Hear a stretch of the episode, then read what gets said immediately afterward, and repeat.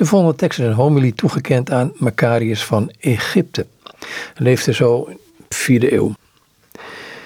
Om te bidden, zegt hij, zijn geen gebaren, nog uitroepen, nog stilte of neerknielen nodig. Ons gebed, dat tegelijk wijs en vurig is, moet waakzaam zijn voor God. Totdat God komt en onze ziel bezoekt door alle toegangswegen, alle paden en uit alle richtingen. Laten we ophouden met onze stilte, ons zuchten en ons wenen.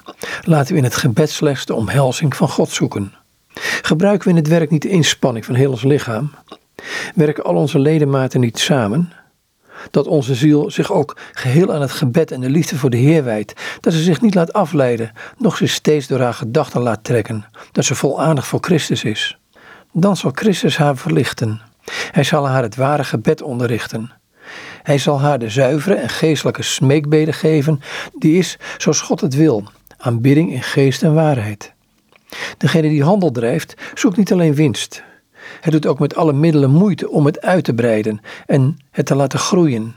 Hij onderneemt nieuwe reizen en ziet af van die hem zonder profijt lijken.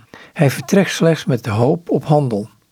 Laten we net als Hij onze ziel op de meest wisselende en geschikte wegen leiden, en dat allerhoogste en ware winst we deze God zullen verkrijgen, die ons in waarheid leert bidden. De Heer vestigt zich in een vurige ziel. Hij maakt er zijn troon van heerlijkheid van. Hij gaat erop zitten en blijft er. Al dus Macarius van Egypte.